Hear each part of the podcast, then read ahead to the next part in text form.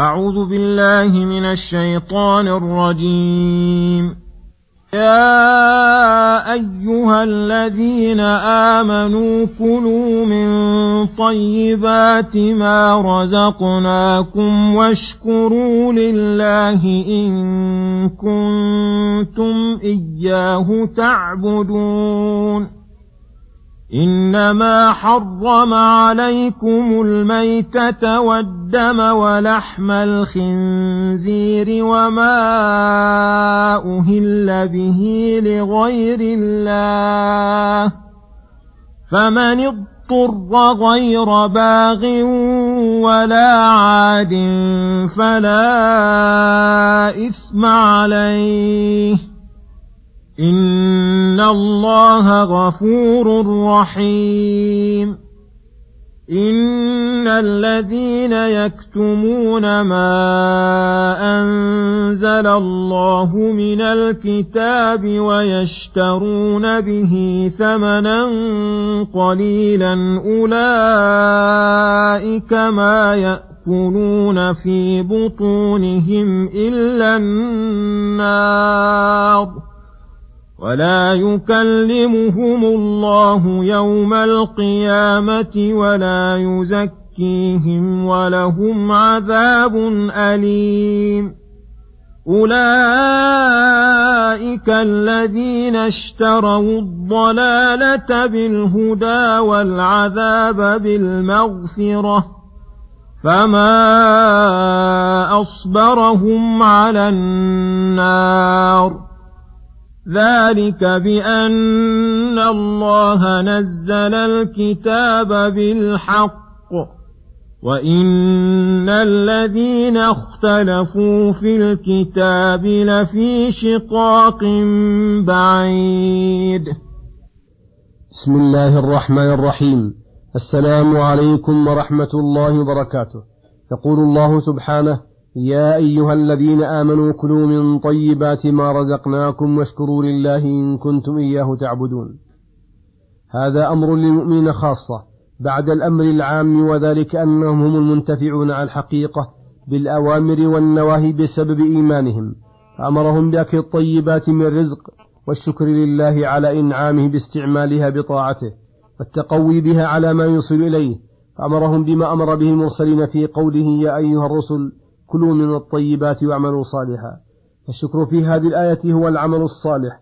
وهنا لم يقل حلالا لأن المؤمن أباح له الطيبات من الرزق خالصة من التبعة ولأن إيمانه يحجزه عن يحجزه ولأن إيمانه يحجزه عن تناول ما ليس له. وقوله إن كنتم إياه تعبدون أي فاشكروه. فدل على أن من لم يشكر الله لم يعبده وحده. كما أن من شكره فقد عبده وأتى بما أمر به. ويدل أيضا على أنك الطيب ساب للعمل الصالح وقبوله والأمر بالشكر عقيب النعم لأن الشكر يحفظ النعم الموجودة ويجلب النقم ويجلب النعم المفقودة. كما أن الكفر ينفر النعم المفقودة ويزيل النعم الموجودة. ولما ذكر تعالى إباحة الطيبات ذكر تحريم الخبائث فقال إنما حرم عليكم الميتة وهي ما مات بغير تذكية شرعية. لأن الميتة خبيثة مضرة لرداءتها في نفسها ولأن الأغلب أن تكون عن مرض فيكون زيادة مرض.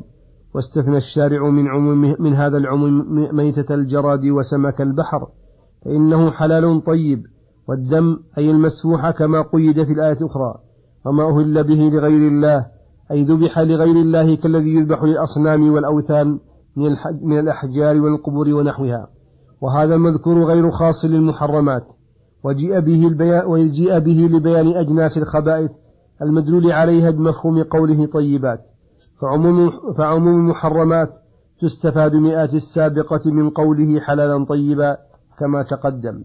إنما حرم علينا هذه الخبائث ونحوها لطفا بنا وتنزيها عن المضر ومع هذا فمن اضطر أي ألجأ إلى المحرم بجوع وعدم وإكراه غير باغ أي غير طالب للمحرم مع قدرته على الحلال أو مع عدم وجود أو, أو مع عدم جوعه ولا عاد أي متجاوز الحد في تناول ما أبيح له اضطرارا فلا إثم أي جناح وذنب عليه وإذا ارتفع الإثم رجع الأمر إلى ما كان عليه.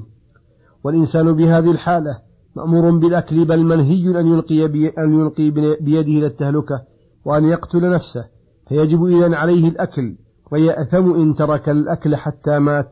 فيكون قاتلا لنفسه. وهذه الإباحة والتوسعة من رحمته تعالى بعباده. فلهذا ختمها بهذين الاسمين الكريمين المناسبين المناسبين غاية المناسبة فقال إن الله غفور رحيم. ولما كان الحل مشروطا بهذين الشرطين وكان الإنسان في هذه الحالة ربما لا يستقصي تمام الاستقصاء في تحقيقها أخبر أنه غفور فيغفر ما أخطأ فيه في هذه الحال. خصوصا وقد غلبته الضرورة وأذهبت حواسه المشقة. وفي هذه الآية دليل على القاعدة المشهورة الضرورات تبيح المحظورات. فكل محظور اضطر إليه الإنسان فقد أباحه له الملك الرحمن. فله الحمد والشكر أولا وآخرا وظاهرا وباطنا. ثم يقول سبحانه إن الذين يكتمون ما أنزل الله من الكتاب ويشترون به ثمنا قليلا. الآيات.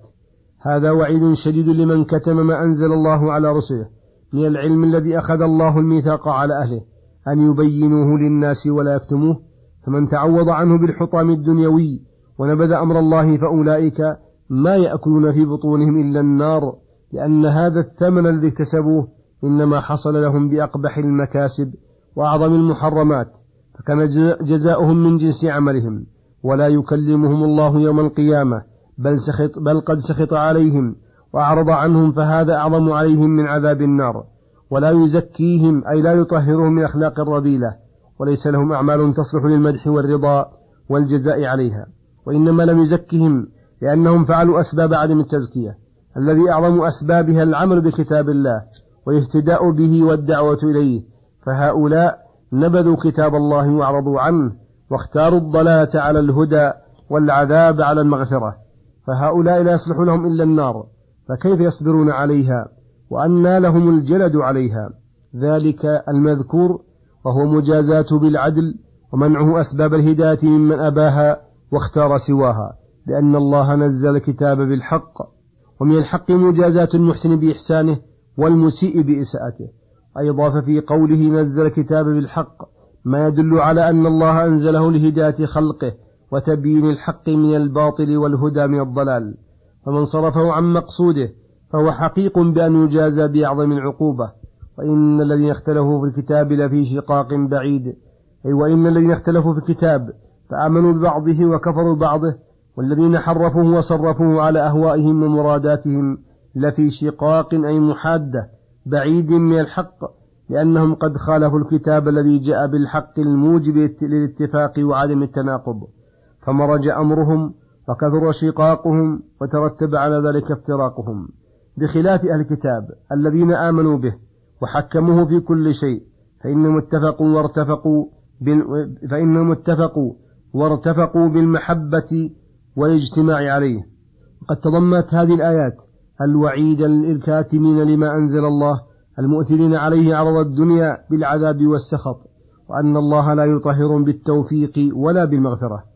وذكر السبب في ذلك وهو إيثارهم الضلاة على الهدى فترتب على ذلك اختيار العذاب على المغفرة ثم توجع لهم بشدة صبرهم على النار لعملهم بالأسباب التي يعلمون أنها موصلة إليها وأن الكتاب مجتمع على الحق الموجب للاتفاق عليه وعدم الافتراق وأن كل من خالفه فهو في غاية البعد عن الحق والمنازعة والمخاصمة. فالله أعلم وصلى الله وسلم على نبينا محمد وعلى آله وصحبه أجمعين. وإلى الحلقة القادمة غدا إن شاء الله. السلام عليكم ورحمة الله وبركاته.